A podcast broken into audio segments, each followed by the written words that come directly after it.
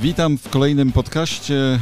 Dzisiejszy temat e, ptasiek e, i pacyfizm. E, chciałbym porozmawiać ze studentami Uniwersytetu Łódzkiego, czym dla nich jest dzisiaj ten film oparty na powieści Whartona, ale myślę, że dzisiaj prawdopodobnie mało kto czytał Whartona, chociaż może, może jak wy, jako młodzi ludzie, e, zupełnie e, jakby poza wojną w Wietnamie, poza innymi wojnami, chociaż macie przed sobą e, wojnę w Ukrainie, ale jak wy widzicie ten film Ptaśka? Kto z was chciałby pierwszy powiedzieć coś na temat Ptaśka, pacyfizmu, szaleństwa? Przyznam, że być może przez to, że przed e, ptaszkiem obejrzałem lot nad kukułczym gniazdem, to jednak ten e, temat e, pacyfizmu jakoś nie zwrócił zbytnio mojej uwagi. Zwróciłem chyba e, głównie uwagę na temat indywidualizmu i tego, jak postrzegana jest choroba. Mm, I w tym, pod tym względem jest to bardzo, mm, bardzo jakby podobna metafora do lotu. I wydaje mi się, że y, o wiele bardziej spłucona, w sensie wydaje mi się, że jednak Birdie jest takim dosyć nastolatkowym filmem, gdzie pewne tropy rozpoczęte w poprzedzającej e, go filmie książce, o której, wspominałem, stało się to z, z, czegoś odkrywczego stało się to po prostu wartością, którą można którą można, której można nauczyć. E, próba zwrócenia uwagi na, na to, że każde odczuwanie jest e, indywidualne i tak. zasługuje na szacunek, tak? Tak, i wszystko jest wartościowe. Wydaje mi się, że to jest. Coś... To w kontekście szaleństwa, rozumiem? Tak, czy... w kontekście szaleństwa. Wydaje mi się, że jest to coś, co mm, już obecnie w um, współczesnej kulturze funkcjonuje jako fakt. Mhm. E, I dlatego na przykład trochę zauważyłem, że na przykład leki często w, w filmach właśnie takim jak Lot nad czy Gniazdem, jak, e, ptaś, jak Ptasiek tak. albo Przerwana lekcja muzyki mm, są zawsze pokazywane w dosyć negatywny sposób. Tak. E, I personalnie jako osoba, która ma kontakt z wieloma osobami, które mm, długo odmawiały przyjmowania leków, tak. bojąc się, że utracą pewną indywidualność, tak. Wydaje mi się, że to jest, że ten e, aspekt jest trochę już e, przestarzały i tyczył się, tyczy się właśnie chyba najbardziej tego, stanu rzeczy, który nie jest już aktualny, ponieważ... Tak, obecnie... bo far farmakologia poszła y, oczywiście do przodu, w sensie takim, że mamy rozwój technik y, farmakologicznych i tak jak kiedyś schizofrenię na przykład leczono takim haloperidolem chyba, czy jakoś tak się to nazywało, y, to strasznie, jak to się mówiło, zamulało prawda, tych pacjentów i to, to, to, to nie było fajne. Ale teraz już są zupełnie inne też już chyba nie ma takiego podejścia, kiedy faktycznie mm, mm, pacjent nie dostaje informacji, co właściwie jest mu podawane. Tak. I jaki to może, jak, jak to działa i ma, jaki może mieć na niego skutek. Tak. Ale ogólnie rzecz biorąc, uważam, że nadal ten film jakby mm, nie zestarzał się. Być może tak. niektóre aspekty są już znajome naszemu pokoleniu, być może pewne um, ukazanie na przykład e, szpitala psychiatrycznego się zdezaktualizowano, ale nadal jest to ciekawy i zajmujący film. Mhm, dzięki wielkie. Y, no to jest ciekawe, że można było mówić o ptaśku w kontekście wyłącznie szaleństwa, pomijając w ogóle aspekt pacyfizmu. Kto jeszcze chciałby coś y, na ten temat powiedzieć? E, ja chciałabym się odwołać może do wypowiedzi Szymona. E, właśnie myślę, że mm, w kwestii ptaśka, oprócz tego indywidualizmu, to co sprawia, że ten film ma gdzieś takie współczesne odniesienia, jest właśnie wrażliwość głównego bohatera, e, bo jest to cecha, która mam wrażenie, że mm, teraz coraz bardziej wybrzmiewa i coraz głośniej mówi się o tym, że, że mężczyźni także są wrażliwi i dlatego myślę, że ten film jest mimo wszystko dalej bardzo współczesny w tym wydźwięku takiego właśnie bycia e, postacią inną niż wszyscy, która ma e, inne odczucia i emocje. Mhm. E, Kasia, zwróciłaś uwagę na wrażliwość, która nie jest przypisana stereotypowo do płci męskiej. tak? O to chodzi, bo to jest tak. Zwłaszcza w kontekście, zwłaszcza w kontekście y, wojennych y, y, cnót tak zwanych, czyli nie wiem, odwagi, brawury i tak dalej, i tak dalej. To jest rzeczywiście coś, co faktycznie w tym filmie jakoś pewnie wybrzmiewa. Chociaż jest z drugiej strony Al, który, który jest takim przeciwieństwem tej jakby wrażliwości, nazwijmy to sobie. Mhm. Wydaje mi się też, że film Birdie mm, ciekawie postawił akcenty, jeżeli chodzi o mm, rozdanie bohaterom aspektów przypisywanych, e, jak, kategoryzowanych jako męskie bądź żeńskie, ponieważ mm, Al może się wydawać bardziej męski, jeżeli chodzi o jego zachowanie, o jego e, zainteresowania, mhm. aczkolwiek jest o wiele bardziej emocjonalną osobą niż, niż, niż Birdie.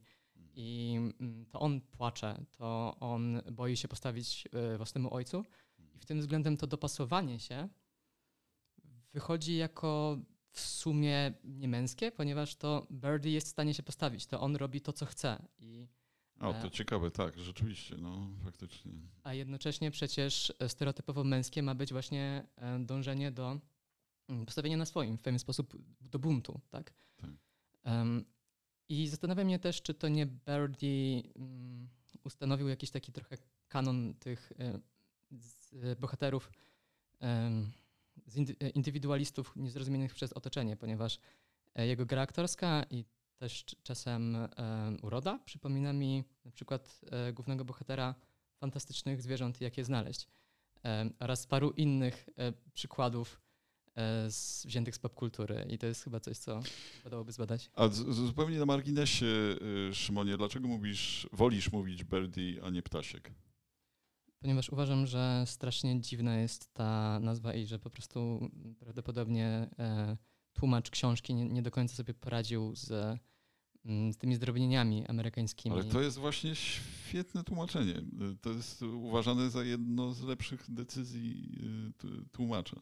Znaczy to brzmi y, fajnie, ale ogólnie rzecz biorąc, prędzej spotkał, prędzej uwierzyłbym, że ktoś do kogoś przygnęła e, ksywka Birdie niż ptasiek. W sensie to może okay. brzmieć dobrze i może się wydawać dobrym przełożeniem tego kontekstu, no ale nadal będzie tym przełożeniem kontekstu, który nie oddaje jakby całości i, i okay. dlatego bardziej mi się bardziej mi no się No dobra, to, to jest taka idiosynkratyczna rzecz. Kto jeszcze chciałby y, zabrać głos.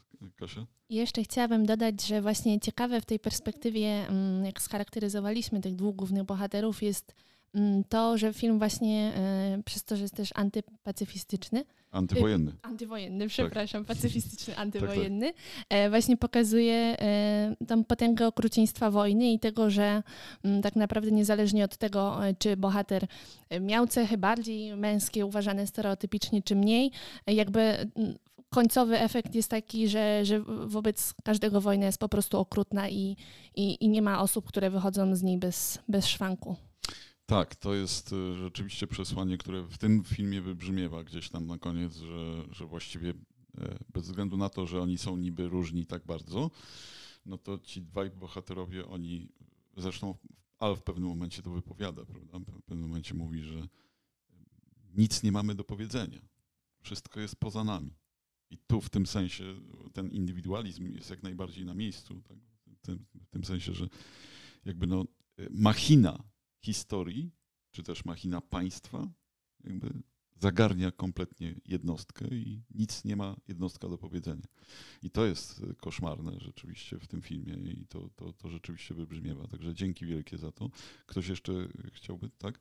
Ja bym chciała odnieść się do, e, do buntu bohaterów, bo wydaje mi się, że na pewnym poziomie ten bunt jest zablokowany i to się przejawia przede wszystkim w momencie, kiedy oni są zmuszeni, by, e, by pójść na wojnę e, i tutaj poddają się temu rygorowi.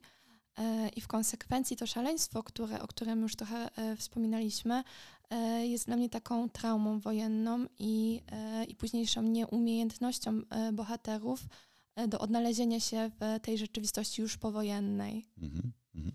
Dzięki bardzo. E, Weronika, o ile dobrze pamiętam. Tak, dokładnie. Tak, e, Więc to, to, to, jest właśnie to, że jakby ta kwestia szaleństwa w tym filmie jest tak pokazana, że właściwie nie wiadomo, co jest przyczyną, a co skutkiem. Nie? Klara, chciałabyś coś Tak, zgadzam się z Weroniką całkowicie w tym, co powiedziała, natomiast zastanowiłam się, czy z jakiejś też strony nie można na to szaleństwo, w które popada w y, ptasiek, y, patrzeć w kontekście buntu. To znaczy, z jednej strony y, potwierdzam to, co, co mówi Weronika, też, też gdzieś tak to widzę, ale zarazem, y, ale zarazem ten, y, to y, w czym się zamknął, ten tak. wewnętrzny świat, do którego postanowił wejść już tak bardzo, że nie dopuszczał do siebie żadnych bodźców z zewnątrz i, i nie odrzucił interakcję z, ze światem, którego otaczał, w jakiś sposób mógł też być wyrazem buntu. Tym bardziej, że, że ostatecznie film mm, film daje nam, daje nam taki, taką podpowiedź, że Ptasiek też, znaczy on, on, teoretycznie odezwał się pod koniec filmu, zaczął rozmawiać z przyjacielem, tak, tak jak powiedział, y, nie dlatego, że chciał, tylko tak samo wyszło. No niemniej później już dobrowolnie podejmował decyzję, że na przykład z lekarzem nie będzie rozmawiał, a, a z przyjacielem już tak. Więc gdzieś była to pewna skorupa, y, która może zamknęła się wokół niego trochę bezwolnie, ale z drugiej strony miał jakiś wpływ na to, żeby się przez nią ostatecznie jak ten piskolak ze skorupki w końcu mhm. jeszcze raz wykluć, może na nowo wszystko zacząć.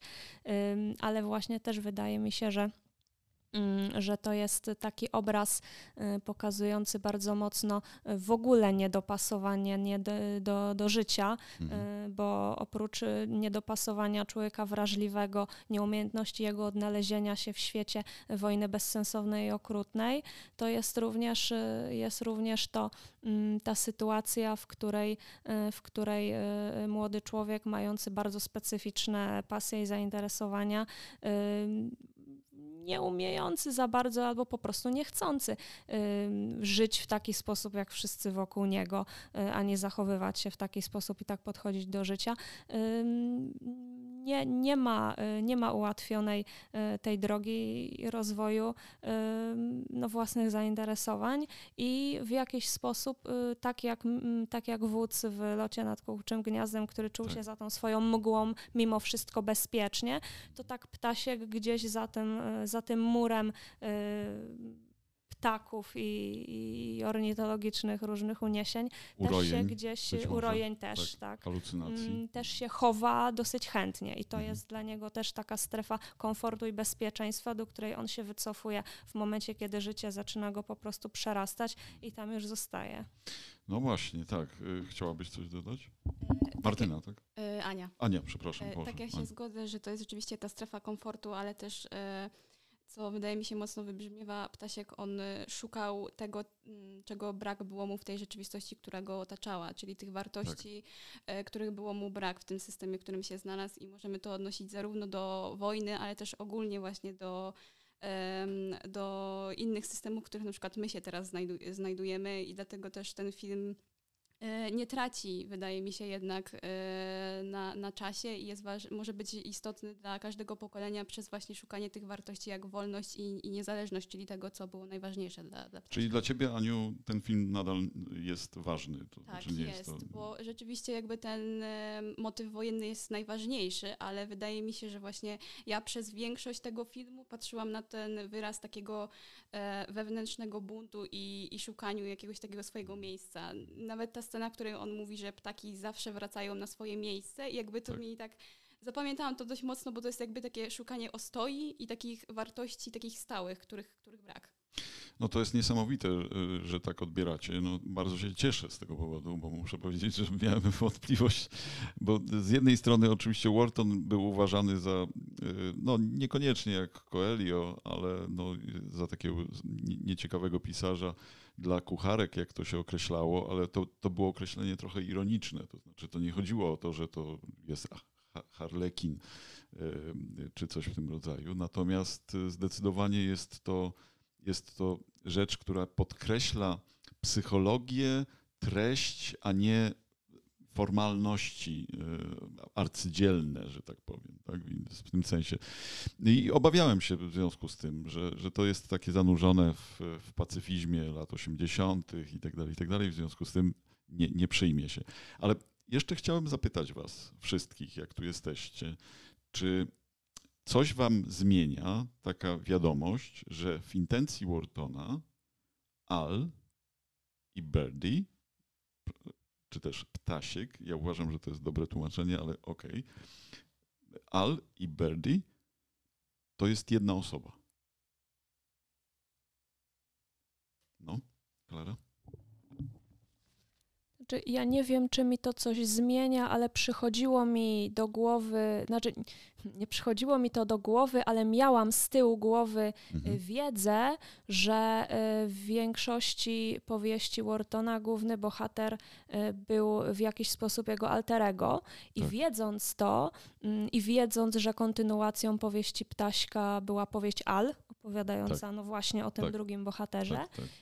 zastanowiłam się w pewnym momencie nad tym, że aha, skoro Ptasiek w jakiś sposób powinien mieć coś z Whartona, y, no zresztą tam też te, te wojenne y, konteksty były w jakiś sposób biograficznie zanurzone tak, oczywiście. Y, mhm. i Al również powinien mieć w sobie coś z autora, y, to zaczęłam myśleć, co ich łączy i, mhm. i że faktycznie to nie musi być tak, że jeśli oni są od siebie tak bardzo różni, to to, to, to, to, to mm, wyklucza ich spotkanie w, w jednej osobie, w jakiejś wspólnej puli doświadczeń.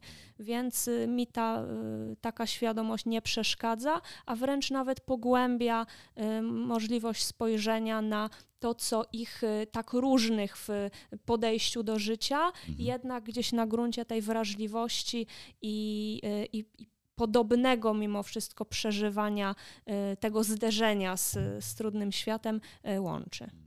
No właśnie, bo obaj są jakoś nieprzystosowani, zwłaszcza już po, po wojnie w pewnym sensie, no bo y, zauważyliście, jak Al chodzi.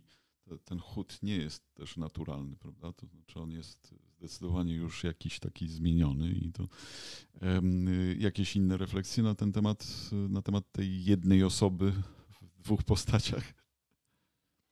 Ja szczerze jestem już e, uczulony na tak podobne zabiegi, ponieważ e, plot twist na zasadzie tego, że jakieś dwie m, zupełnie różne od siebie postacie tak naprawdę są częścią jednej osobowości, pojawił się już tyle razy, że mhm. e, czasem nawet boję się, że fabuła zakończy się w ten sposób. Mhm. Aczkolwiek no nie zauważyłem tego, z tym, że być może jeżeli sprowadzić postać Ala do mm, podejścia adaptacji do sytuacji, a mm, Bardiego jako mm, zupełny, zupełny indywidualizm i właśnie odcięcie się od narzuconych e, norm, to można powiedzieć, że to jest e, po prostu podejście tej samej osoby, że w każdej chwili może, że, że każda osoba może być zarówno jedną, jak i drugą postacią i pod tym względem może być to też autor i to może się spinać w tym, co odnalazł w sobie, w postawach. Tak, no to y, rzeczywiście, no, y, Szymonie, ja się z Tobą chyba po części też zgadzam, w tym sensie, że film dopiero pod koniec daje taką sugestię, że to może być faktycznie tak, że to się gdzieś zlewa. Bo jest tam taka wizja jakby lotu ptaśka, i ta wizja lotu ptaśka, tam jest taki tekst, który, który wskazywałby, że to, to może być tak, że, że ta, ten lot nad rodzinnym, y, rodzinnym miastem czy dzielnicą jest tym samym lotem, y, który ma miejsce w Wietnamie prawdopodobnie w trakcie wojny, czegoś, co przypomina Wietnam.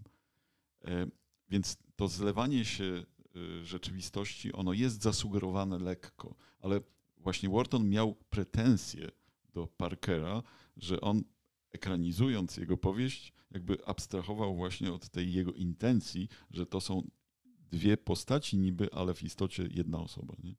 Więc w tym sensie y, jest to zbyt delikatne być może w tym filmie, ale, ale rzeczywiście no jest to... Mm, no, trzeba sobie uświadomić właśnie, że w odróżnieniu od Coelho, który miał jakieś y, E, napady paniki, w związku z tym był chorym psychicznie, wsadzonym do szpitala, to Wharton był doktorem e, psychologii i, i, jakby wiedział, o czym pisze, to znaczy wiedział, co to jest psychiatria, wiedział, co to jest psychologia, psychoanaliza i tak dalej, i tak dalej, więc to jest, to jest zupełnie inna bajka. I wydaje mi się, że w tym filmie to widać. To znaczy widać pewnego rodzaju. Chociaż z drugiej strony, no, na przykład, czy was nie bulwersuje lekko taka sugestia nie dość, że masturbacji, to jednak no, sugestia no, wręcz jakiejś zoofilii, tak? Nie bulwersuje was? W filmie. No to generalnie było dosyć niesmaczne, ale y, też nie, nie szczególnie zaakcentowane. To znaczy można to było tak interpretować, ale niekoniecznie trzeba było. Tak. Więc, y, Czyli to było delikatne. Myślę, że raczej tak, choć zasugerowane i Zasugerowane. takie No no, średnie, ale nie, nie mocne. O. Y, Kasia, pierwsza Ladies First, przepraszam, ona była pierwsza. Dla mnie to też było bardzo sugestywne. I ja miałam w pewnym momencie trochę obawy, jak ta scena się zaczęła dziać, to miałam poważne obawy, jak ona się skończy. Skończy. No Ale na właśnie. szczęście się ucięła i ta wyobraźnia się też zahamowała. Tak. Aha. Ja osobiście uważam, że ten motyw jest dosyć potrzebny, ponieważ no, mm, jak wspomniałem, wydaje mi się, że ten film jest dosyć, dosyć nastolatkowy i nie chciałem, żeby. Mhm. Mm, uważam, że takie poczucie dyskomfortu związane z patrzeniem na coś, co naprawdę mm, wydaje się dziwne e, widzowi, sprawia, że mm, Birdie nie jest po prostu mm, wyestetyzowanym wizerunkiem em, zindywidualizowanego dziwaka, Tak. ale em, także faktycznie pokazane jest, że, że, że, że, że, że coś tutaj nie gra, że poczucie dyskomfortu jest potrzebne, ponieważ w takim razie Birdie byłby po prostu zupełnie pozytywną postacią, w sensie nie miałby ostatecznie nic z tego, co robi, jak tłumaczenie na lekcji, jak zbudowane jest pióro, ani to, że nie wiem, nie potrafi sobie poradzić z relacjami z kobietami, to, to nadal nie są jakieś rzeczy, które nas naprawdę od niego mogą odstręczyć albo sprawić, że faktycznie uznamy go za dziwaka. A no, ta scena jest potrzebna i ta scena jest też potrzebna w jego relacji z Alem, Mhm. który odwraca się od niego wtedy. Tak. I w ogóle ta scena jest dla mnie bardzo istotna, ponieważ pokazuje dobrze, jak osoba, która spełnia normy i funkcjonuje z osobą, która nie przystaje do społeczeństwa, jak, jak dużo ta osoba musi też znosić, ponieważ no, nie jest w stanie zrozumieć tą osobę. I, ile musi, jak musi walczyć o to, żeby cały czas go wspierać i akceptować. I, ym, i że kiedy Al przestanie go akceptować, to później może go spotkać właśnie w psychiatryku i przepraszać go za to. Dlatego uważam, że ta e, scena masturbacji e, z ptakiem była dosyć potrzebna dla ogólnie rzecz biorąc e, dźwięku i fabuły i treści. Tak, no, y, ja przypomnę, że w XVIII wieku w wyznaniach Rousseau, Rousseau wyznaje, że y, masturbował się na oczach y, obcej kobiety. To są wyznania, y, których, które dzisiaj ludzie czytają jako arcydzieło, arcydzieło literackie. E, Więc to nie jest y, zupełnie od, y, od czapy, a w kontekście tego, co któreś z Was powiedziało, że to jest nastolatkowa powieść. Chyba ty, tak? Czy, Tak, tak, podtrzymuję tak, to. no, tak, no właśnie. E, To w tym kontekście ta identyfikacja płciowa, jeden e, Al radzi sobie świetnie z dziewczynami, jest wręcz rozrywany, można powiedzieć, a drugi, e, jak skonfrontowany jest z piersiami kobiety, no to nie wie, e, jak się to, że tak powiem, obsługuje, że, za przeproszeniem. Mam świadomość, że to nie jest dobre słowo. Ale to jest właśnie kwestia świetnego rozegrania w tym filmie ciała jako takiego. To znaczy, s- sama pozycja ciała przez psychiatrę jest e, e, interpretowana w określony sposób. No, dlaczego on tak dziwnie się zachowuje? Prawda? Przecież on chce wyglądać jak ptak. I to jest, to jest ewidentne. I to, to, to, ciało ma, odgrywa e, kolosalną rolę i, wydaje mi się, że to jest akurat jedna, z lepszych, e, jeden z lepszych wątków. Dobra. E, Czy jeszcze jest coś, co chcielibyście dodać, e, zanim e, wysłuchamy wypowiedzi na temat pacyfizmu tamtych czasów, lat 80. Krzysztofa Skiby, który nomen omen jest również liderem zespołu nomen omen Big Cyc. Przepraszam, ale to jest e, znaczące, albowiem e, wtedy właśnie w latach 80. w Balbinie e, powstał ten zespół w dniu Międzynarodowym Dniu Biustonosza bodajże, o ile dobrze. To, jest, to, to była rewolucja.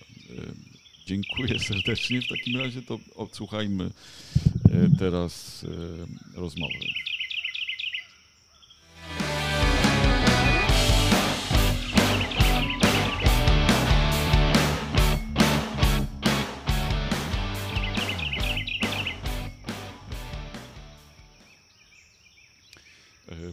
Się teraz e, z panem redaktorem Piotrem Wesołowskim. E, e,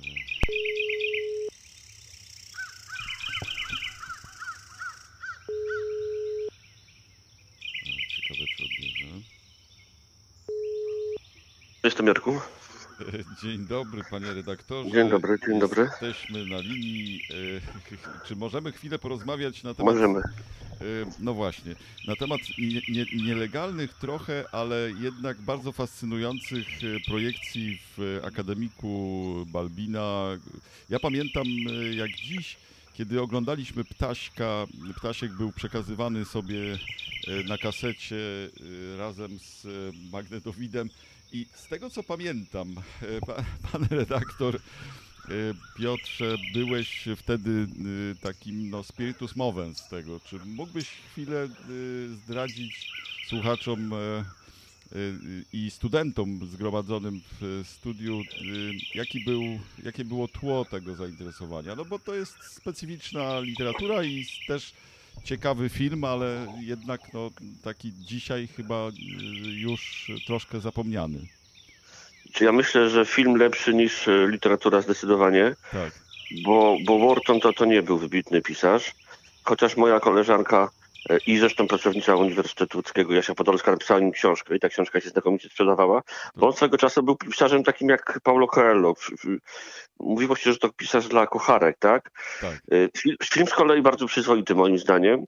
To było tak, że albo odbywały się projekcje w klubie Balbina, i one były takie trochę nielegalne, ale bo to były lata 80. i nie mieliśmy licencji na pokazywanie tych filmów, albo pokazywaliśmy tam filmy, które były filmami y, y, no, pułkownikami, tak? Blaszany Bębenek pamiętam. Na przykład Blaszany Bębenek, który w wersji oryginalnej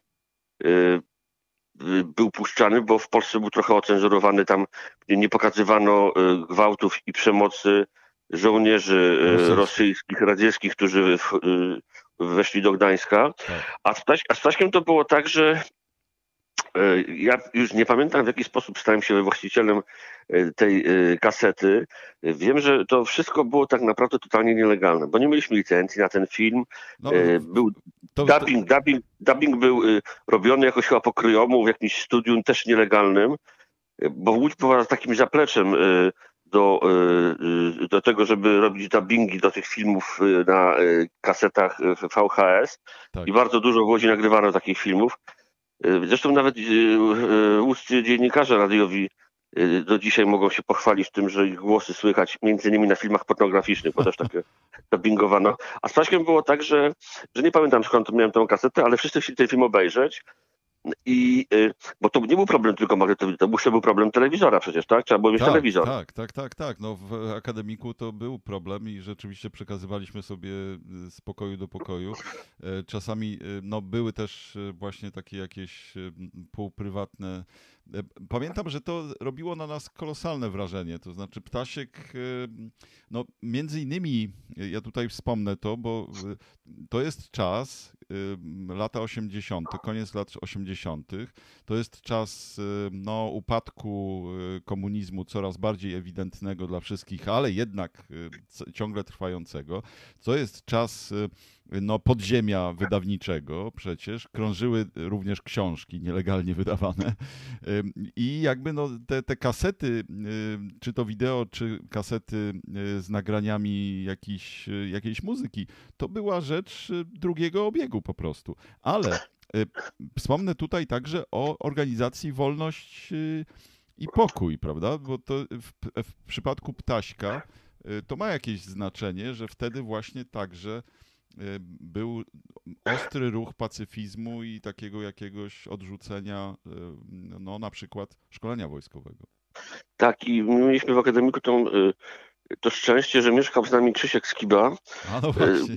Ci, którzy go kojarzą, to to jest lider Bikcyca i on był takim przedstawicielem ruchu Wolność i Pokój na, na Łódź. Sam zresztą wydawał taką własną gazetę, ona się nazywała A Capella, no i ona była totalnie pacyfistyczna i antykomunistyczna.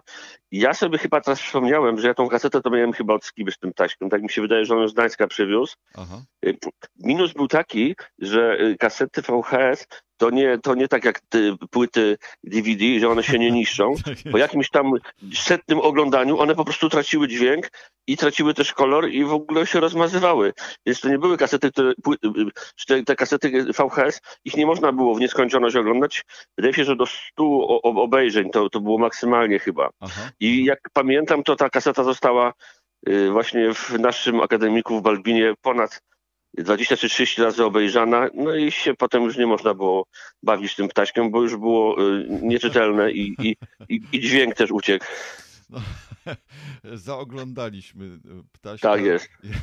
To jest no, bardzo, bardzo to jest ciekawe, jak sądzę, dla studentów, którzy nie mają dostępu do takiej starej technologii. Wydaje mi się, że to, to jest e, pewna opowieść ważna e, w sensie właśnie takiej, takim bardzo ważnego kontekstu kulturowego. Panie redaktorze, no wielkie dzięki, wielkie dzięki. Czy, czy jest coś, o czym jeszcze trzeba byłoby powiedzieć w przypadku tej, tej, tych projekcji Ptaśka, o czym jeszcze nie zapytałem, bo jestem e, e, złym prowadzącym program. Nie, nie, chyba wszystko już powiedzieliśmy. Ja już więcej sobie nie przypomnę. To dziękuję serdecznie i życzę dobrego dnia. Wielkie dzięki. Dziękuję bardzo. Do zobaczenia.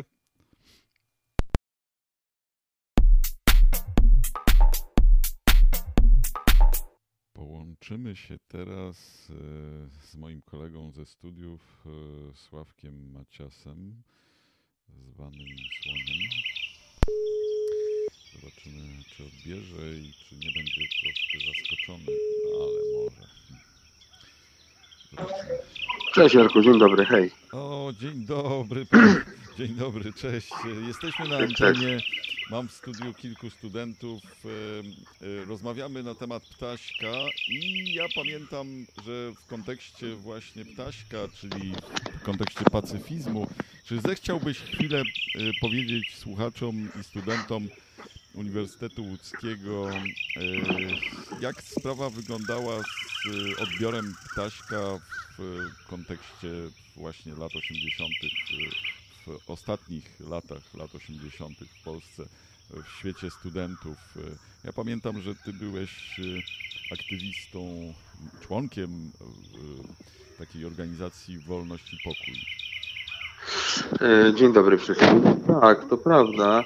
E, Ruch Wolność i Pokój, to się dokładnie tak nazywało. To była taka organizacja dosyć, e, z perspektywy czasu, w gruncie rzeczy dosyć zabawna, chociaż uznawano nas za wrogów państwa polskiego, ponieważ domagaliśmy się e, swobody we wstępowaniu do wojska, bo wtedy, przypomnę, była obowiązkowa służba wojskowa. No e, wśród członków Ruchu Wolności Pokój było wielu tak zwanych objektorów, to się tak wtedy nazywało, więc ludzi, którzy świadomie niszczyli książeczki wojskowe i odmawiali pójścia do, do wojska, co groziło, e, zdaje się, chyba minimum dwa lata chyba więzienia za to, jakoś tak było. Zresztą jeden z, jedna z takich osób tutaj z Łodzi, bardzo fajny też fotografiki. Plastyk Piotrek Zdrzenicki trafił do więzienia, my się nim opiekowaliśmy.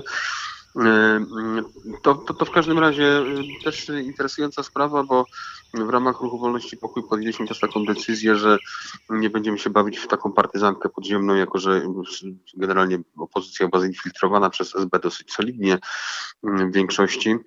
W związku z tym na ulotkach, na różnych materiałach podpisywaliśmy się imieniem i nazwiskiem każdy, żeby, żeby się już nie wygłupiać z tym wszystkim. A poza tym, no to była też kwestia takiego trochę dodania otuchy tym, którzy rzeczywiście chcieli tej służby wojskowej uniknąć. No, no, kwestia pacyfizmu. To nie tylko była kwestia pacyfizmu, ale to, ale to była też kwestia po prostu takiej postawy trochę, trochę anarchizującej wtedy. No, nam się nam, nam wydawało, że tacy będziemy trochę tacy trochę, trochę chuligańscy w cudzysłowie oczywiście wobec, wobec systemu. E, bo drugą taką organizacją e, anarchizującą, powiedzmy, był ruch społeczeństwa alternatywnego i, i to byli już twardzi zawodnicy, którzy potrafili uczestniczyć w bitwach ulicznych z ZOMO. Tutaj były raczej działania takie uświadamiające. I to byli anarchiści, prawda? Tak, tak, wspierające również od strony prawnej, było takie pismo, które się nazywało Acapella, które było z jednej strony trochę takie prześmiewcze, ale gdzieś tam Propagowane się też... przez Skibę. Tak, tak, tak. Ale z drugiej strony były tam też y, całkiem sensowne artykuły takie prawne, jak się zachować, co zrobić, gdzie napisać jakiś kwit, pismo, jakieś tego typu rzeczy. Więc y, y, trochę to, trochę powiedzmy, jakoś tam w miarę od pewnej strony było profesjonalne. Natomiast no, no, no, pewnie, pewnie się domyślacie, że jak byliśmy wtedy bardzo, bardzo młodymi ludźmi, no to to nie mogło być do końca takie super profesjonalne. To oczywiście wiązało się trochę z odwagą, trochę z głupotą, trochę z radością działania na nie, co było bardzo ważnym elementem w tym wszystkim. Chociaż regularnie uważano, że działamy na szkodę obronności e, kraju i Układu Warszawskiego, to, takie komunistyczne NATO, przypomnę. Mm, I niektóre osoby naprawdę całkiem były no, mocno traktowane przez Służbę Bezpieczeństwa i też kontrwywiad wojskowy, łącznie z jakimiś pobiciami, tego typu rzeczami, jakimiś tam wyrokami. Więc y, trochę przymrużenie oka, y, a trochę serio. Jak zresztą wtedy wszystko, dlatego sami to nazywaliśmy całą tą rzeczywistość surrealizmem socjalistycznym, bo y, nigdy nie wiadomo było na ile, na ile to wszystko jest, może się skończyć więzieniem i poważnymi konsekwencjami, a na ile tak naprawdę jedynie konfrontacją z totalną głupotą ówczesnych władz, czy z jakimś, jakimś indolencją i w ogóle absurdem. I to, to się trochę tak funkcjonowało właśnie w takiej rzeczywistości bardzo, bardzo dziwnej. Ja tam jestem całkiem dumny z tego, bo, bo, bo, uważam, że to było takie bardzo konkretne działanie na rzecz tych osób, które no, rzeczywiście miały kłopoty i trafiły do więzienia lub miały jakieś problemy prawne. I to było takie na serio w tym wszystkim. Bardzo no, to bardzo taka dobra świadomość wewnętrzna, że się udało tam powiedzmy, nie wiem, paczki wysyłać albo nawet pisać um, po prostu jakieś tam pisma razem z e, ówczesnym Amnesty International, żeby, żeby tych ludzi jakoś tam chronić przed y, konsekwencjami dodatkowymi, typu, nie wiem, nieznane pobicia, nieznany sprawca pobił w więzieniu, o, na tak. przykład, bo też często tak, tak, się, tak się działo. Um, a z drugiej strony to była też jak zwykle no, bardzo taka interesująca towarzyska historia, bo te środowiska mm, wtedy, y, czy z jednej strony takiego, dzisiaj powiedzieliśmy bardzo takiego prawicowo-katolickiego Civitas Academica, z jednej strony, czy Niezależnego Zrzeszenia Studentów pośrodku, czy właśnie takie środowiska trochę anarchizujące. Dzisiaj nie, prawa strona mówi aby lewackie, bo to, to bardzo modne słowo jest, wszystko co liberalne jest lewackie. Y, to wszystko tak naprawdę było jeden krąg towarzyski, w pewnym sensie my się mogliśmy kłócić, wspierać, ale się szanowaliśmy. I to jest chyba też takie przesłanie na dzisiaj, że kiedyś można było, dzisiaj jakoś się nie da. Trochę tego nie rozumiem, no ale cóż, no takie czasy widocznie. Dziękuję bardzo za tę, za, za tę refleksję. Jeszcze tylko zapytam dosłownie minutkę, czy, czy pamiętasz y, te projekcje Ptaśka w Balbinie? Ach, Ptasiek, właśnie. No właśnie. Tak, to jest, to, jest w ogóle, to jest w ogóle bardzo interesująca sprawa, bo ja w ogóle byłem fanem tego filmu na maksa, po prostu totalnie. Oglądałem go kilka razy, zresztą y, to jest też interesujące, bo trzeba to chyba studentom szczególnie uświadomić, że wiele tych projekcji filmów e, ówczesnych światowych były tak naprawdę z punktu widzenia prawa kompletnie nielegalne. Nielegalne, tak, tak.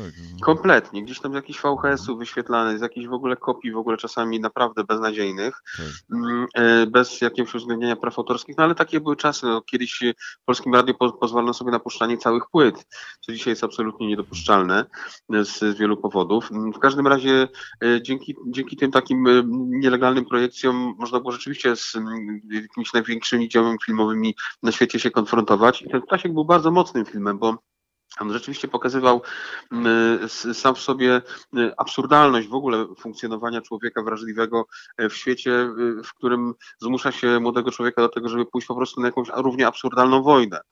Mm, I to się bardzo nam kleiło z rzeczywistością, w której byliśmy, tym bardziej, że Mm, to były czasy y, właściwie y, i y, po stanie wojennym, i czasy, gdzie dochodziły do nas informacje z, z, o tym wszystkim, co działo się w Afganistanie. Tak. Mm, I E, cały czas funkcjonowała w świadomości jednak kontrkultury e, cała historia związana z e, amerykańską klęską w Wietnamie. Tak. Jakieś absurdalne te wszystkie historie połączone ze sobą sprawiały, że młody człowiek w tamtych czasach głęboko się utożsamiał z takimi filmami i te filmy robiły bardzo duże wrażenie, chociażby poprzez fakt, że czasami odpowiedzią na przemoc, na zmuszanie człowieka do różnych rzeczy jest po prostu szaleństwo jakieś tam. Mhm. I, i to trochę, i to trochę no, no, mnie się tam to kleiło z moim stanem duszy ówczesnym bardzo mocno. Trochę szaleństwo, trochę jako, jako ucieczka, ale trochę też jako takie uzasadnienie swojej odmowy, swojego protestu, prawda? Tak, zdecydowanie, zdecydowanie. Dlatego, że tak naprawdę no y, sam fakt, że za odmowę pójścia do wojska można było po prostu zwyczajnie iść do więzienia, no tak. no to była forma szaleństwa jednak w ówczesnej rzeczywistości, bo to się kończyło tym, że potem nie można było iść na studia, były problemy z pracą i tak dalej, i tak dalej. Tych konsekwencji mogło być bardzo dużo, łącznie z takimi fizycznymi, że można było dostać po prostu zwyczajnie, jak się, się wtedy mówiło yy, młodzieżowo, solidny oklep. Tak. Po prostu. E, Sławku, nie chcę zajmować Ci czasu. Mamy roboczy dzień, początek tygodnia. Wszystkiego najlepszego. Dzięki Ci wielkie za te Dziękuję bardzo. słów i dobrego dnia. Do zobaczenia. Kłaniam się. Dziękuję.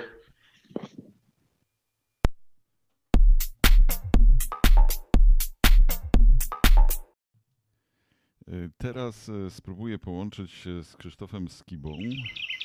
E, łączę się. Zobaczymy, czy będzie mógł z nami rozmawiać teraz, czy może za jakiś czas. No witam Cię Jarku. E, dzień dobry, dzień dobry. Czy możemy chwilkę porozmawiać teraz, czy mam zadzwonić za jakiś czas? Nie, jasne, jasne, gadajmy od razu, oczywiście. Super, super. E, to będziesz to nagrywał, tak? Czy, no, czy, czy... no właśnie, już nagrywam, już nagrywam. Jesteśmy na, na antenie. Chci, chciałbym właśnie zapytać e, Ciebie jako no, aktywistę, czy też e, wręcz można powiedzieć jednego z liderów e, ruchu Wolność i Pokój, redaktora czasopisma nielegalnego w, w, w PRL-u Acapella o Twój stosunek do pacyfizmu, bo rozmawiamy o ptaśku w kontekście powieści i filmu jako czegoś, co można byłoby nazwać literaturą i filmem protestu. No ale jak wiadomo, konteksty się zmieniają i chciałem zapytać, czy nadal jesteś pacyfistą i jak odnosisz się właśnie do tego, do tego, do tej przygody młodości?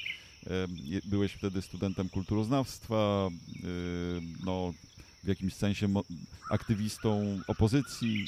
Jak to, jak to y, widzisz? Wiesz co, ten nasz pacyfizm, e, czy wręcz nawet anarchizm, bo i takie nurty były w ruchu tak Wolność i Pokój, tak. E, to należy rozpatrywać w kontekście jednak historycznym, to znaczy e, w kontekście no, czasów, w których te ruchy się e, rodziły. E, przypomnę, że to były lata 80. Tak. My jesteśmy, zaliczamy się do pokolenia e, nazywanego przez historyków pokoleniem stanu wojennego. Tak I myślę, że duży wpływ na nasz pacyfizm i nasz anarchizm miał generał Jaruzelski i jego czołgi. Tak to, to takie wydarzenia kształtują postawy i, i, i poglądy młodego pokolenia. Ja kiedy wprowadzono stan wojenny w Gdańsku, a znaczy wprowadzono go w całej Polsce, ale mieszkałem w Gdańsku i chodziłem do liceum, miałem 17 lat, więc to tak. już jest taki wiek, gdzie wiesz, można biegać e, po ulicach e, i rzucać kamieniami w zamowców. Tak. E, maturę robiłem też właśnie w stanie wojennym i no i też jakby był właśnie początek studiów, czyli 83 rok, to też był cały czas, to były gorące lata, były manifestacje, były też no, represje. Na przykład to jest taki może już fragment historii trochę zapomniany, ale w ramach represji brano młodych ludzi do wojska. Bardzo często tworzono z nich jakieś e, tak. oddziały, na przykład e, takie karne, e, także na przykład młodych działaczy Solidarności, jakieś, jak ktoś tam w mm, zakładzie pracy się wyróżniał jakąś aktywnością opozycyjną, tak. brał udział w organizowaniu strajków, tak. a był w wieku takim, że, że poborowym, albo że można było go właśnie zabrać do wojska, to, to po prostu takie, takie mm, sytuacje miały, miały miejsce i oczywiście taka osoba lądowała w wojsku z odpowiednim e, e, no, takim e, instrukcjami, że, że ma być właśnie tępiona, ma być specjalnie traktowana, że ma się na nią uważać. Więc my, nasze pokolenie no nie za bardzo było pokoleniem które e, kochało armię i kochało militaryzm. E, ja wiem, że w Polsce, e, która przez lata przecież nie miała, była pod zaborami i, i tak. wojsko było częścią no, po prostu państwowości polskiej. Tak? Bez, bez wojska nie ma państwowości, to jest jakby oczywiste. Stąd w Polsce bardziej popularne tradycje to były te tradycje, no właśnie, powstania warszawskiego, powstania listopadowego, czyli, czyli walki zbrojnej walki zbrojnej, po, po, po, takie tradycje powstańcze i tak dalej. I y, początek stanu wojennego, sam początek lat, y, czyli tam 80, y, no grudzień 81 i później 82, to my byliśmy bardzo, że tak powiem, waleczni. Tak. W sensie udzielaliśmy się wszyscy w, e, na manifestacjach ulicznych, braliśmy udział w tych nielegalnych zgromadzeniach, które później były komentowane w, wiesz, w wiadomościach e, dziennika telewizyjnego jako jako manifestację wyrostków, chuliganów itd., tak itd. Tak I wówczas jakby pacyfistami e, nie byliśmy. Chuliganów e, bo, nie robów, przepraszam. Że rzucaliśmy przecież kamieniami i tak. nawet, nawet e, w Gdańsku były no, takie po, po, poważne rozruchy. Poza tym, wiesz, na, na tą świadomość naszą mm, też wpływały no, sama ta atmosfera stanu wojennego, zmilitaryzowanie kraju, tak. zmilitaryzowanie przez zakładów, właśnie fabryk i zakładów przemysłowych. Tak. E, komisarze wojskowi pojawiali się nie tylko w zakładach pracy, ale także w szkołach. E, mieli takie zadania jak, e, no właśnie, taka propagandowa walka z opozycją, ale także jakby zastraszenie. To miało, to, to miało charakter, to, to miało charakter Komisje robotniczo-chłopskie. Tak, pamiętam, pamiętam, no robotniczo-chłopskie to one nie były. To, tak. to one były właśnie związane, to były wojskowo Wojskowe, jakieś tak, tak ubeckie tak, tak, raczej. Tak, tak, ja pamiętam, że, że pojawiały się na przykład w, w, w, szkołach e, takie pogadanki, gdzie przychodził wojskowy z bronią. No on miał normalnie, e, przecież to miało charakter mm, e, no właśnie zastraszania. Miał pistolet przy pasie. No w szkole w ogóle zakaz noszenia broni powinien być. Tak. E, e, tu udzie, to, to, jest, to jest miejsce pobierania nauki, a nie wymachiwania pistoletem. I taki umundurowany kapitan Wojska Polskiego z, z jakiegoś zarządu e, e politycznego tak. pojawiał się i wygłaszał E, pogadanki w rodzaju, że Wałęsa jest agentem CIA tak. i, i, i, a strajki są inspirowane przez Zachód i przez Niemców i przez naszych wrogów i to nie ma nic wspólnego z patriotyzmem i, i należało już wcześniej zdusić tą solidarność, ale na szczęście generał Jaruzelski no, zdecydował się E, e, dokonać samoinwazji i tak dalej, i tak dalej. No takie, takie, więc w tym klimacie, mówię o tym dlatego tak szeroko, bo jakby w tym tak, tak klimacie tak, tak. Bardzo dziękuję. Rodził tak, się, tak. rodziły się pomysły na my byliśmy, wiesz, no nikt nie chciał być e, żołnierzem generała Jaruzelskiego. Wszyscy byliśmy wtedy no, w, jakby w wieku poborowym i tak. e, wiesz, nikt z nas nie, e, wojsko było wykorzystywane też politycznie. Po tak. prostu wojsko tak naprawdę to, to oczywiście wszystko zganiało się na ZOMO, ale to niestety to wojsko e, rozwalało na przykład bramy zakłady pracy, bo, bo milicja nie miała też takiego sprzętu i, i, i na przykład w Gdańsku strajk stoczniowców robi, rozbito przy pomocy wojska. Znaczy wojsko rozwaliło bramę stoczni właśnie czołgami. Tak. Zresztą ona, te, te, te bramy żelazne, pospawane, powiązane łańcuchami, e, e, gdzie zgromadzono jeszcze jakieś ciężkie specjalnie przedmioty, jakieś e, szyny e, te tramwajowe i różne inne E, rzeczy, które wydawało się, że o, to hmm. złamać tego to nie, nie, nikt tego nie będzie potrafił. Natomiast on przyjechał czołg i rozwalił to jak e, pudełko zapałek, a no, tak. oczywiście tak. za czołgiem szły bataliony już, już grupy, grupy ZOMO i one e, pałowały tych strajkujących stoczniowców. Więc wojsko nie miało, nie miało zbyt dobrej, właśnie w latach 80. jakby generał Jaruzelski przeciął tą, tą taką, ten sentyment do wojska, który w Polsce zawsze był. Tak. Zawsze ten sentyment właśnie z racji tradycji powstańczych, z racji Nie, właśnie niepodległościowych niepodległościowych i tak dalej. Dokładnie, dokładnie tak. I wtedy no ja, pamiętam jeszcze na przykład, że jeszcze nawet w podziemiu ukazywały się takie, że nie należy wojska winić, takie tak. artykuły, że to po prostu no, oni wykonują rozkazy, że mówiono o tym, że przecież Zbigniew Bujak, lider podziemnej opozycji, dlatego uciekł zomowcom, bo był kiedyś w komandosach, czyli jednak to, tak. to przeszkolenie wojskowe się przydaje chociażby tak. po to, żeby dobrze uciekać przed, przed milicją. No i, i wiesz, ale, ale my jako młode pokolenie patrzyliśmy na to już e, zupełnie inaczej i w 1983 roku powstał Ruch Społeczeństwa Alternatywnego, tak. podziemna organizacja anarchistyczna, pierwsza organizacja anarchistyczna w Polsce po wojnie, bo były, były po II wojnie światowej, bo były e, oczywiście grupy anarchistyczne w latach 20. i w latach 30. E, e, XX wieku. Po, tak powstały takie tak, tak. złożone głównie no, z takiej radykalnej, lewicowej e, młodzieży. E, w dużej mierze pochodzenia żydowskiego. No, przepraszam, że ci e, wejdę w słowo, ale mieliśmy też teoretyka. Abramowski był e, teoretykiem anarchizmu, tylko takiego, no może syndykalistycznego, ale jednak. Tak, także... tak, związkowego, tak, tak, tak, tak, tak. tak. Zresztą, zresztą taki syndykalizm, wątki syndykalistyczne pojawiają się także przy okazji ruchu Solidarność. Właśnie tak, też, też tak. Takie, takie wątki pojawiały. Jest też motyw zupełnie zapomniany przez historię, E, anarchiści brali udział w powstaniu warszawskim i bronili o. starówki i była, był tam oddział, oddział, czyli no, w obliczu wspólnego wroga wszyscy się jednoczą, tak. ale był oddział, zresztą do dzisiaj jest tablica pamiątkowa, który bronił tak zwanego domu profesorów e, na e, warszawskiej starówce, a wiadomo, że tam były bardzo, bardzo ciężkie walki i, i tam właśnie no, to, to byli no, anarchiści, syndykaliści. Dowódcy tego oddziału są nawet, nawet wymienieni i wiem, że był konflikt na linii dowództwo powstania warszawskiego, a właśnie tak, ten, ten, ten oddział anarchistyczny, tak. bo oni, anarchiści, jak to anarchiści, nie nosili biało-czerwonych e, opasek, tylko nosili czarne opaski. Więc, więc, więc to, to był konflikt o to, że, że to jest no, jakby znak powstań, powstańców, a, tak. a, oni, a oni tam zakładają sobie jakieś swoje takie no, ideologiczne tak jak, e, właśnie... tak jak dzisiaj nosiliby tęczowe na przykład zamiast biało-czerwonej. No to coś, coś może coś w tym, w tym, w tym, e, w tym duchu.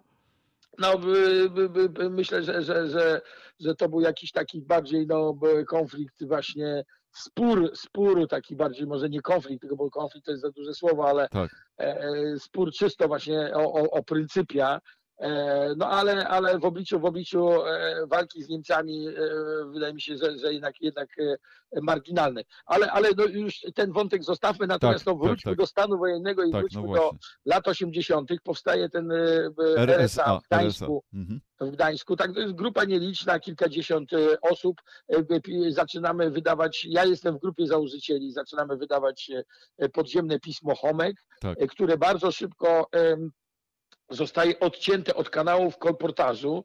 E, w podziemiu działały tak zwane no, sieci kolportażu, które kolportowały nie tylko prasę Solidarności, tak. ale także podziemne książki wydawane przez różne wydawnictwa, także po prostu prasę, prasę podziemną po prostu. Głównie to była prasa związkowa tak. i e, Bogdan Borysewicz, który wówczas ukrywał się i był przywódcą podziemia e, solidarnościowego w Gdańsku, po latach przyzna mi się, że zresztą to, to jakby potwierdza to wielu, wielu e, kolporterów i takich dużych, takich hurtowników prasy podziemnej, tak. naszych znajomych, naszych kumpli, że to właśnie Borsuk w podziemiu u, e, e, wydał e, no, zalecenie, żeby Homka nie kolportować, że to jest pismo, które rozbija ruch e, solidarnościowy, tak. które, które właśnie, że to są anarchiści, że to są, no to są niezgodne, no, niebezpieczne treści, o, tak, tak bym to powiedział, czyli jest dowód na to, że, że Solidarność stosowała już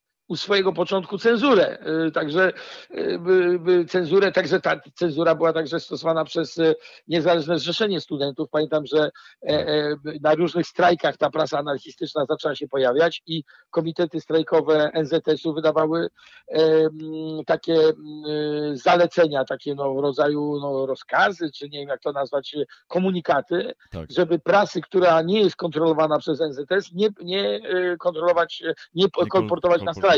Mhm. Także to, to, było, to było dosyć z perspektywy dzisiaj historycznej, mało kto o tym pamięta, ale to były dosyć dla nas zabawne, no bo my oczywiście jako anarchiści byliśmy zwolennikami totalnej wolności. No, anarchizm polega na, na tym, że wolność jest tutaj na pierwszym, na, pierwszym, na pierwszym miejscu. Oczywiście dzisiaj, jak z perspektywy czasu czytam te różne nasze artykuły czy manifesty, tak. to mam stosunek ambiwalentny, bo z jednej strony ta, ta, ten ruch taki właśnie pacyfistyczno-anarchistyczny, no był w zasadzie bardzo radykalny, był przeciwko wszystkim dookoła. I to jest coś, co fascynuje dzisiaj młodych historyków, bo my byliśmy i przeciwko Solidarności, która naszym zdaniem była zbyt mało radykalna i tak. jakby pokojowymi metodami walczyła właśnie z E, z, z, z, z, komunistami, tak. E, no i, by, i była zbyt by, taka zachowawcza. Tak? My jako młodzi ludzie no, chcieliśmy iść z motyką na słońce i uważaliśmy, że, że po prostu e, no, te, te gorące głowy kazały nam właśnie organizować różne manifestacje. Wówczas Solidarność po pierwsze by w 83-4 roku już w zasadzie nie namawia do, do, do, do nie organizuje praktycznie manifestacji. Tak. Ten, ten, ten, ten energia społeczna w 82 roku się trochę zużyła. Oczywiście to też jest powodem tego, że no wiele osób zostało aresztowanych, spałowanych, wiele osób zmuszono do emigracji, wiele osób siedziało w więzieniach, było jeszcze nadal i tak dalej.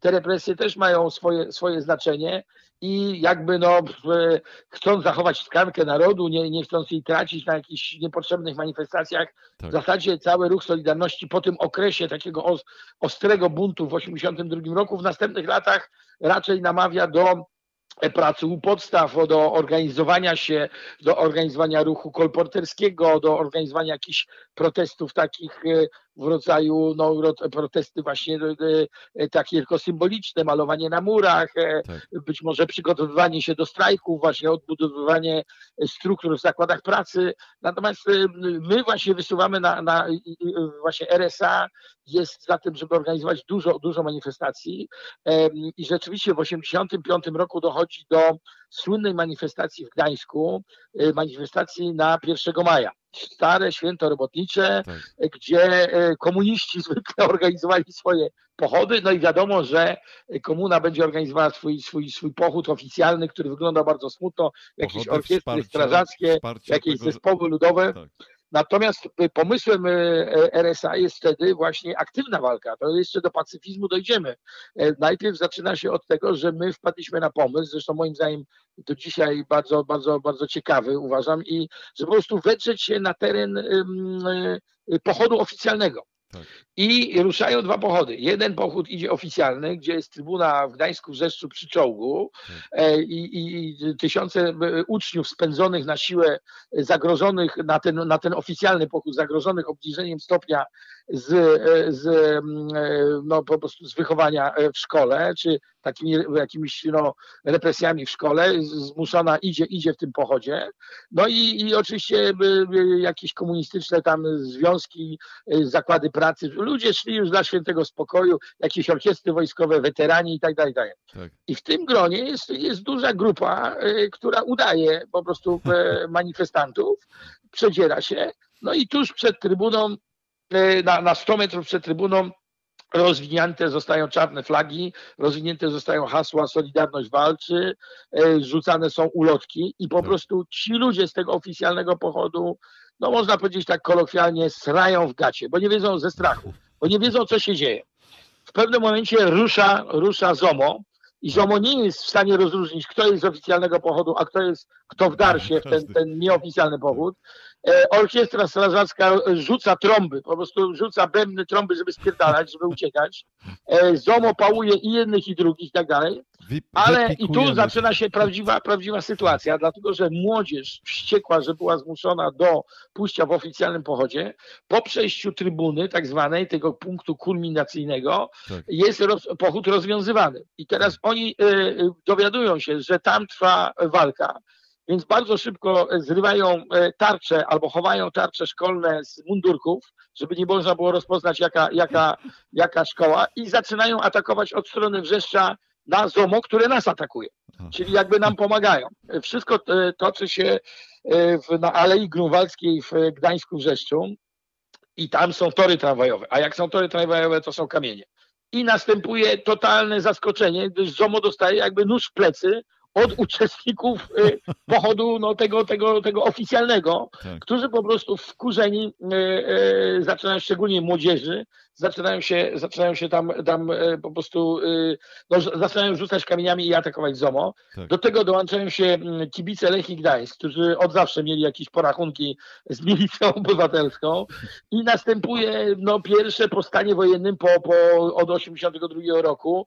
E, w, to rzecz ma miejsce 1 maja 85 roku, e, no tak zwane zomobicie e, w Gdańsku. I po prostu ten, ten, ten, ten sukces powoduje, że zaczyna o nas pisać prasa, na przykład taka jak Tygodnik Mazowsze. Oczywiście pisząc tak. różne e, jakieś bajki w rodzaju, że to panki z Gdańska zaatakowały ZOMO na pochodzie pierwszomajowym. Aha. E, większość z nas nie była żadnymi pankami, chociaż część sympatyzowała na pewno z tym, z tym, z tym ruchem. E, natomiast no to byli po prostu normalnie młodzi ludzie, którzy, którzy e, no, właśnie chcieli aktywnie zwalczać komunę, a nie tylko poprzez, poprzez jakieś akcje uświadamiające i samoorganizację i kolportaż podziemnych, podziemnych ulotek.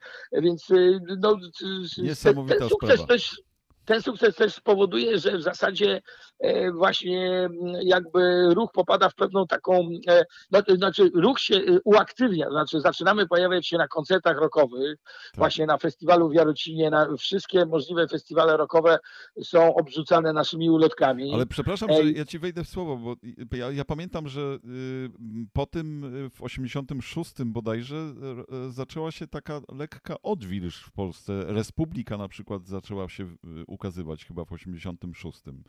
Tak mi się wydaje. Nie?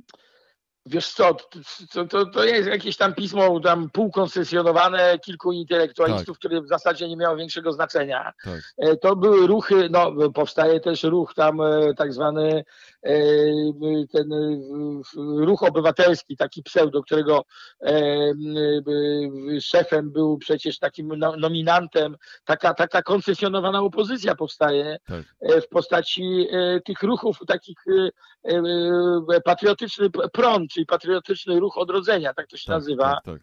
E, I to, Ocale, to jest w ogóle Solidarność uważa to za koncesjonowaną opozycję, ale to są tak samo Republika, to w ogóle nie ma żadnego znaczenia. To jest próba, to, to nie jest żadna odwilż. Odwilż tak. dopiero po, następuje lekka w 88 roku, kiedy, kiedy no, seria strajków się odbywa i tak. to też nie jest żadna odwilż, ale jakby takie no, jakby komuna daje sygnały, że nie jest w stanie sobie już radzić z tymi, tak, z tymi tak, protestami, tak, z, tym, tak, z tym wszystkim i szuka jakiegoś quasi porozumienia, jakiegoś, jakieś, żeby wciągnąć Solidarność w jakąś półkolaborację tak. E, polegającą na tym, żeby po prostu obarczyć ich tymi problemami gospodarczymi. Po prostu y, system jest niewydolny ekonomicznie. To jest główny, tak. to jest główny ból. No, po prostu ludzie widzą, co jest w sklepach, propaganda nie działa, bo, bo w sklepy są, są puste półki po prostu w sklepach. Tak, tak? Jest, I, tak jest. I, i, i to, to, to, to Natomiast, natomiast nie, w 1985 roku powstaje mhm. też ruch Wolność Pokój właśnie, tak. o którym wspomniałeś, a zaczyna się on od tego, że um, Marek Adamkiewicz z, ze Szczecina,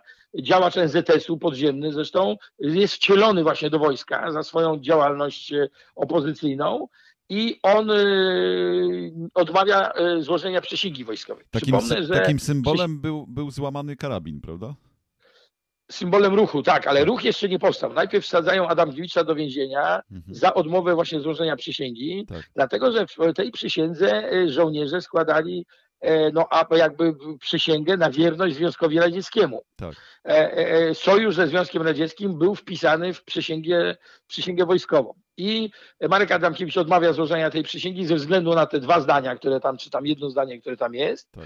I dostaje wyrok chyba 2,5 roku więzienia. No jak mamy już pierwszego swojego więźnia, to zaczynamy, zapowstaje, powstają komitety takie właśnie o, w obronie Marka Adamkiewicza i na bazie tych komitetów powstaje ruch Wolność i Pokój. Tak. I anarchiści częściowo z RSA wstępują do tego ruchu na przykład e, Krzysiek Galiński, taki znany działacz, czy Wojtek Jakob Jankowski. Tak. I także, także ja, ja e, zaczynam też działać i tu, i tu. Właściwie ja w stanie wojennym to się zapisałem do wszystkich możliwych podziemnych organizacji. E, I, i, I, część ludzi z tego, z tego RSA przepływa do, do, do VIP-u i VIP jest już taką bardziej, bo RSA była naprawdę no, bardzo takim marginesem marginesu, można powiedzieć. Mhm. Natomiast, natomiast e, e, VIP jest takim ruchem, gdzie pojawiają się ludzie z dawnej opozycji, na przykład e, Szymanderski, tacy ludzie z pewnym doświadczeniem. No dzisiaj jak patrzymy, kto tam był w tym VIP-ie, to aż włos się jeży właściwie może nie ze strachu, tylko z, ze zdziwienia tak. e, czy ze śmiechu, dlatego że tam był, tam był zlepek różnych e, środowisk, tam byli jacyś ludzie z KPN-u, ludzie z NZ, głównie ludzie z NZS-u, tak. ale także właśnie ludzie z RSA, e, także jacyś niepodległościowcy, no po prostu no, dość powiedzieć, że w tym ruchu debiutował na przykład Jan Maria Rokita z Krakowa, tak. czy tacy ludzie jak E, Bartłomiej Sienkiewicz, późniejszy szef e, tak. przecież e, służb Obecnej koalicji specjalnych, tak, no, tak. że minister, im późniejszy minister policji w tak. rządzie przecież Platformy Obywatelskiej, zresztą słynny podsłuchany w restauracji Usowy. Także co to za policjant, który sam daje się podsłuchać. No ale on, on rzeczywiście w tamtym, w tamtym czasie tam, tam debiutował i mnóstwo tego typu ludzi, e, e, czyli od, od takich wariatów, hipisów, jakichś e, punków po, po no rzeczywiście osoby które, które, które e, później zrobiły, e, także Piotr Niemczyk, słynny specjalista od spraw e, właśnie służb specjalnych, późniejszy oficer Urzędu Ochrony tak. Państwa, też był jednym, jednym z liderów, jednym z głównych liderów. Dzisiaj jest działaczem takim niezależnym, jest tak. takim ekspertem, ekspertem od spraw służb specjalnych. E, natomiast no, wtedy był jednym z liderów ruchu Wolność i Pokój i, i po, po 89 roku był oficerem Urzędu Ochrony Państwa, co było dosyć zabawne, tak. że anarchista, pacyfista jest oficerem Urzędu Ochrony Państwa, ale, ale no, po prostu jego zawsze ten, tematyka służb specjalnych interesowała i zresztą on napisał kilka bardzo ciekawych książek. Mówię to o tym, żeby pokazać, że był, łączyła nas sprzeciw wobec właśnie e, e, tej, tej przede wszystkim tej przysięgi wojskowej, tak. I w VIP-ie były podzielone frakcje. Znaczy jedni uważali, że jak się przysięgę zmieni, to wszystko będzie ok. Natomiast czyli, przepraszam, żeby, spora część... Żeby to wybrzmiało, czyli jednym z powodów e, te, te, takiego pacyfizmu e, był także protest przeciwko e, Związkowi Radzieckiemu, czyli Rosji w gruncie rzeczy, tak? Dokładnie tak, znaczy przede wszystkim tej, tej że, że no nie chcemy przysięgać na jakąś obcą armię. Tak. Mm, no umówmy się, no, Polska nie była wtedy w pełni niepodległa. To, tak. to był PRL, to, była, to był kraj Wojs absolutnie podporządkowany. Tak absolutnie podporządkowany właśnie e, Rosji i absolutnie tu były przecież wojska e, radzieckie w Legnicy i nie tylko, no, stacjonowały wojska, e, to wszystko było właściwie, no Armia Czerwona tutaj była u siebie, tak, więc no, tak. trudno mówić o jakiejś niepodległości. No i myśmy jakby, bo Solidarność w ogóle tej tematyki nie poruszała to dla Solidarności to w ogóle nie był temat. Tak. Natomiast my jako młoda opozycja ruszyliśmy temat na przykład tego, co jest w całej Europie, w prawie całej Europie, czyli zastępcza służba wojskowa, że jeżeli tak. masz poglądy pacyfistyczne, to możesz odmówić wojska. Tak. I taki, mm, e, e, taka możliwość istniała na przykład we Francji, w Niemczech, e, to się nazywa objector. To jest ta osoba odmawiająca tak. służby wojskowej ze względów na poglądy, jest objektorem i ma prawo do odpracowania tego na przykład w zieleni miejskiej czy w służbie zdrowia. Tak e, I takie, takie mm, jakby taka, taki status, takie, takie możliwości były już w całej Skandynawii, na przykład w Szwecji, w Finlandii, w Norwegii, tak. były, były także w Niemczech, także w, w Anglii, także w, właśnie we Francji.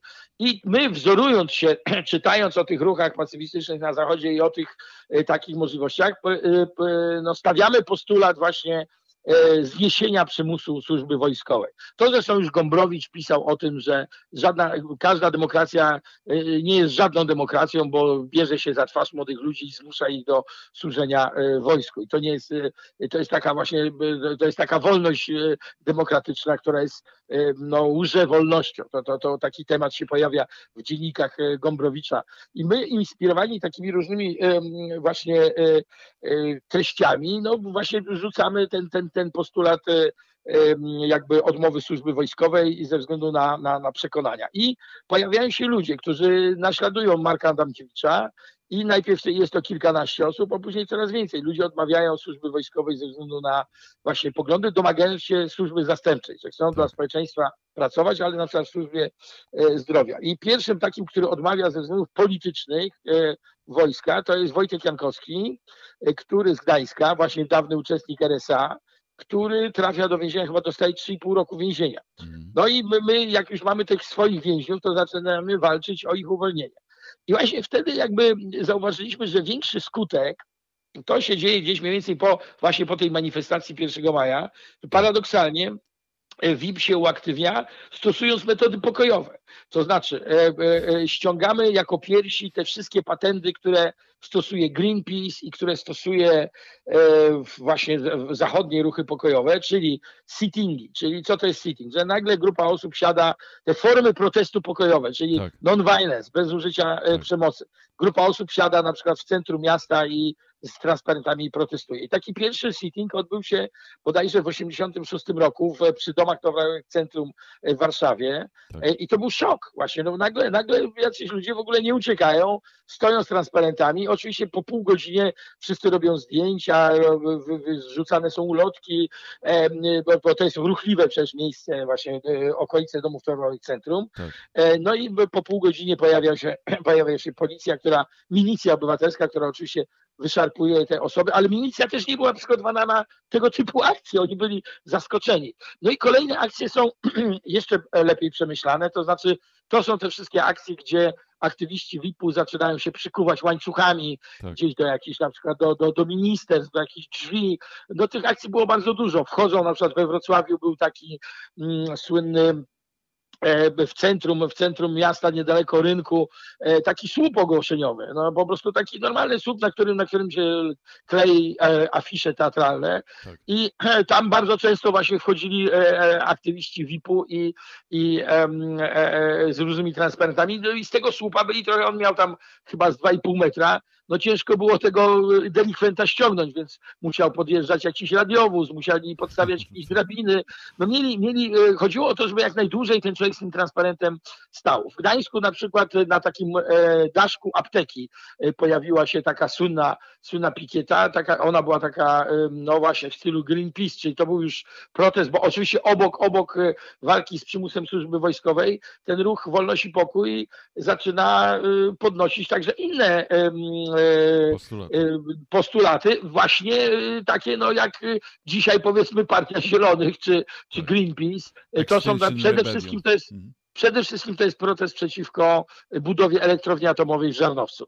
I to tak. jest zresztą nasz wielki sukces, bo ten ruch doprowadził do tego, że ostatecznie przede wszystkim doprowadził do referendum wśród mieszkańców, które się odbyło, a władza przeszkadzała. I to referendum myśmy wygrali. E, właśnie że społeczeństwo było przeciwko e, elektrowni atomowej w Żarnowcu. Przypomnę, że to było w czasach, kiedy no, wszyscy byliśmy ofiarami e, awarii elektrowni w Czernobylu. Tak. I ten, ten, ten, ten, że tak powiem, pył radioaktywny aktywny do Polski dotarł e, i, i no, mówi się, że, że, że iluś, ileś tam e, e, osób zmarło na raka w Polsce właśnie przez, przez, przez Czernobyl, więc e, nie ma się co dziwić, że społeczeństwo, żadni tam wielcy aktywiści ruchów pokojowych czy anarchiści, tylko normalni, normalni, my też byliśmy normalni, ale powiedzmy taki przeciętny Polak, no raczej był ostrożny, jeżeli chodzi o energię atomową, a wiadomo było, że my to zbudujemy źle, dlatego że no, w Polsce brakowało papieru toaletowego, a oni chcieli energię atomową budować,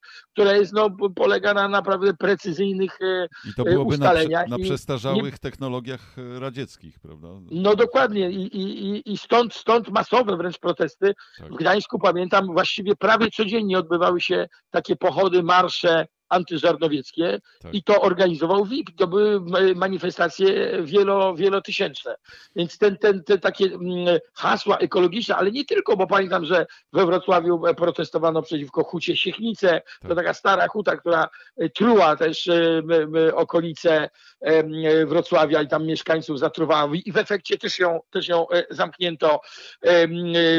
Pamiętam, że były protesty przeciwko budowie e, tam w Czorsztynie, więc takie nie, właśnie też przeciwko... konteksty, tak. Więc, więc tych, tych, tych, tych ruchów, takich, znaczy tych e, postulatów tak E, było, było dość sporo i tych akcji było dość sporo i stąd e, pewna popularność ruchu. Aczkolwiek e, to, że uczestniczyło parę tysięcy, to nie znaczy, że to był jakiś masowy ruch. No, ludzie się po prostu przyłączali do tych akcji. Oblicza się, że, że, że, że przez ruch Wolność i Pokój przewinęło się z 2000 osób, a przez RSA, no nie wiem, może, może z 200 osób. Tak.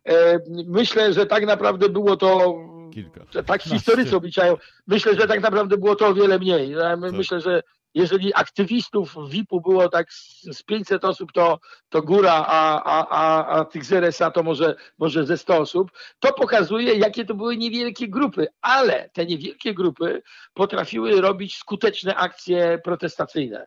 E, I wracając do pacyfizmu, no właśnie, one wtedy, te wszystkie akcje, myśmy na przykład nie rzucali kamieniami już wówczas, tak. tylko właśnie stwierdziliśmy, że rzucanie kamieni miało swój sens w stanie wojennym, tak. że nazywano to epoką kamienia rzucanego. E, natomiast, natomiast y, wiesz, to, to, to rzucanie kamieni nie rozwiąże żadnego problemu. Aktywny, aktywny e, nabijanie na, na, na, walki z ZOMO jakby nic nie rozwiążą. To znaczy ZOMO to też są ofiary systemu, to też byli młodzi ludzie wcieleni do ZOMO, zachęceni, głównie ze wsi, zachęceni jakimiś I stąd pomarańczowa alternatywa, która potem się rozwinęła i w której ty również e, brałeś udział obok e, majora. Pomarańczowa alternatywa to jest ruch happeningowy, który też był, stosował no, metody pacyfistyczne, tak. czyli, czyli po prostu no, robimy akcję i nie uciekamy przed, przed milicją, dajemy się złapać i uważamy wręcz odwrotnie, że, że radiowóz, komisaria to jest nasze naturalne miejsce. My jako wrogowie systemu powinniśmy tam e, siedzieć, więc, więc e, natomiast no, wszystkie manifestacje jakiejś Solidarności polegały no właśnie na rzucaniu kamieniami i uciekaniu, tak? A, a my tutaj i tak naprawdę milicja jest zaskoczona, bo ona nie wie o co chodzi. No ona jest, milicjant jest przyzwyczajony, że, że ten, ten demonstrant się szarpie i ucieka, a u nas tutaj jest wręcz odwrotnie i no przypomnę, że chociażby słynny, słynny happening, e, e, galopująca inflacja, który odbył się w Łodzi e, na ulicy Piotrkowskiej w okolicach pasaża, pasażu Schillera, tak.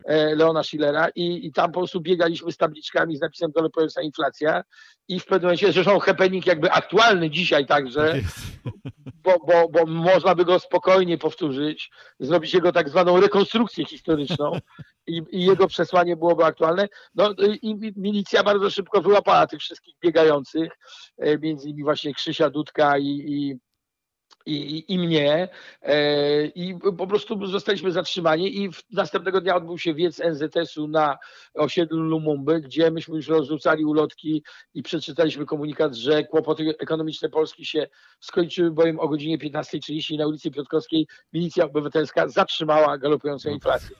I oni wtedy jakby zorientowali się, że nam na tym polega, że, to, na, że na tym polegają happeningi, że na, nam na tym zależy, żeby być zatrzymanym, że oni są jakby też częścią pomarańczowej alternatywy. I to też, że po prostu jest to w latach 80. te e, postawy pacyfistyczne okazały się bardziej E, jakby ten, ten zasada non-violence, którą no, wymyślił właśnie przecież słynny Gandhi tak. E, i właściwie to Gandhi wywalczył niepodległość, niepodległość Indii, Indii, stosując tak zwany bierny opór, a nie organizując kolejne powstanie, krwawe powstanie, gdzie wszyscy będą wyrżnięci. Tak. I tak naprawdę te postawy pacyfistyczne przyniosły Polsce te akcje pacyfistyczne. Żadna walka z kamieniami, żaden, żadne Solidarność walcząca, taka, takie śmieszne ugrupowanie e, próbowało nawet gromadzić Między broń. Morawieckich, tak. E, tak, tam to było, to było zabawne, zabawne, zabawna organizacja, bo absolutnie w podziemiu, tam się składało przysięgi i tak dalej. Solidarność tak dalej. walcząca z Solidarnością głównie. E, to, to głównie tak, tak, tak, tak. To była taka rozbijacka grupa tej, tego głównego nurtu Solidarności. I oni do dzisiaj się chwalą, na przykład w Warszawie była wystawa e, uzbrojenia, jakie oni gromadzili w 88, 89 roku, jakie zgromadzili uzbrojenie, no brakowało tylko czołgów i kara, karabinów, e, no bo karabiny maszynowe były, więc nie wiemy skąd, to jest w ogóle absolutna fikcja. Z tego co ja wiem od działaczy Solidarności Walczącej z samej góry, im udało się zgromadzić dwa pistolety, z czego jeden nie działał. ale jeszcze... Takie to było, taka to była walka zbrojna, ale żadna walka zbrojna nie przyniosła Polsce niepodległości. To jest tak. ważne, żeby sobie to uświadomić w 1989 roku, a tylko właśnie y, strajki, i, czyli walka bez użycia przemocy i protesty, które robiła pomarańczowa alternatywa, które robił Ruch Wolność i Pokój, ciągłe przeszkadzanie komunie, ciągłe e, manifestacje właśnie, e, jakieś na przykład blokady, te, e, jakieś, bo te, tego typu rzeczy też były robione. A wszystko, no, a wszystko mówi do was magister kulturoznawstwa, teatrolog, który napisał o pomarańczowej alternatywie pracę magisterską, o ile dobrze pamiętam. I to jest... No tak, tak, tak. Ona była zresztą dedykowana Milicji Obywatelskiej. I ona została e, obroniona, prawda, na Uniwersytecie Łódzkim. Tak, to jest pionierska praca na tym e, e, polu, dlatego że później powstało wiele prac magisterskich, a także praca doktorska, napisana, co ciekawe, przez francuskę, Nicole Gurko, taką francuską, francuską po, po, poetkę francuską, która była zafascynowana y, tym ruchem i zresztą dokumentacja pomarańczowej alternatywy jest dość y, no, no tak, bogata, bo, bo są i albumy fotograficzne, i książki. książki napisane Powstało tego dość, dość dużo takich tak. i też wspomnień. Też IPN, Instytut Pamięci Narodowej z Wrocławia wydał dosyć taką ciekawą y, książkę w której omawia się dokumenty y, służby aparatu represji, jakby służby bezpieczeństwa właśnie dotyczące pomarańczowej alternatywy.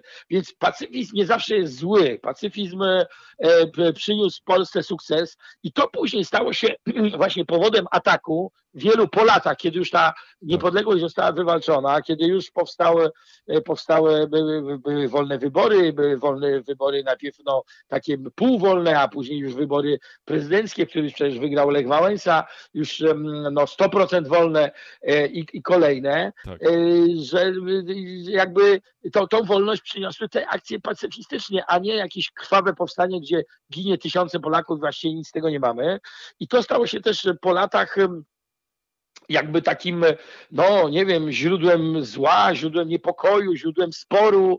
E, no przypomnę książki e, na przykład takie jak e, słynnego, słynnego przecież prawicowego publicysty, które, który, który jest dzisiaj zresztą posłem, europosłem chyba, takie jak właśnie wieszanie. No to jest słynna, słynna, słynna książka o... A na drzewach o... zamiast liści będą wisieć komuniści, to było Więc hasło. wtedy nie było chętnych. Wtedy, ja, wtedy że, że jakby to jest, wiesz, e, ból e, tego, że właściwie oni tęsknili, ci prawicowcy tęsknili za jakimś powstaniem, że wywalczenie Polski wolnej e, w sposób taki, jak zrobiła to Solidarność, tak. E, to jest właśnie niegodne, bo powinny zginąć tysiące młodych Polaków, tak. krew powinna się lać jak w Powstaniu Warszawskim i wtedy, o, wtedy to byłaby państwowa, e, piękna polska wolność.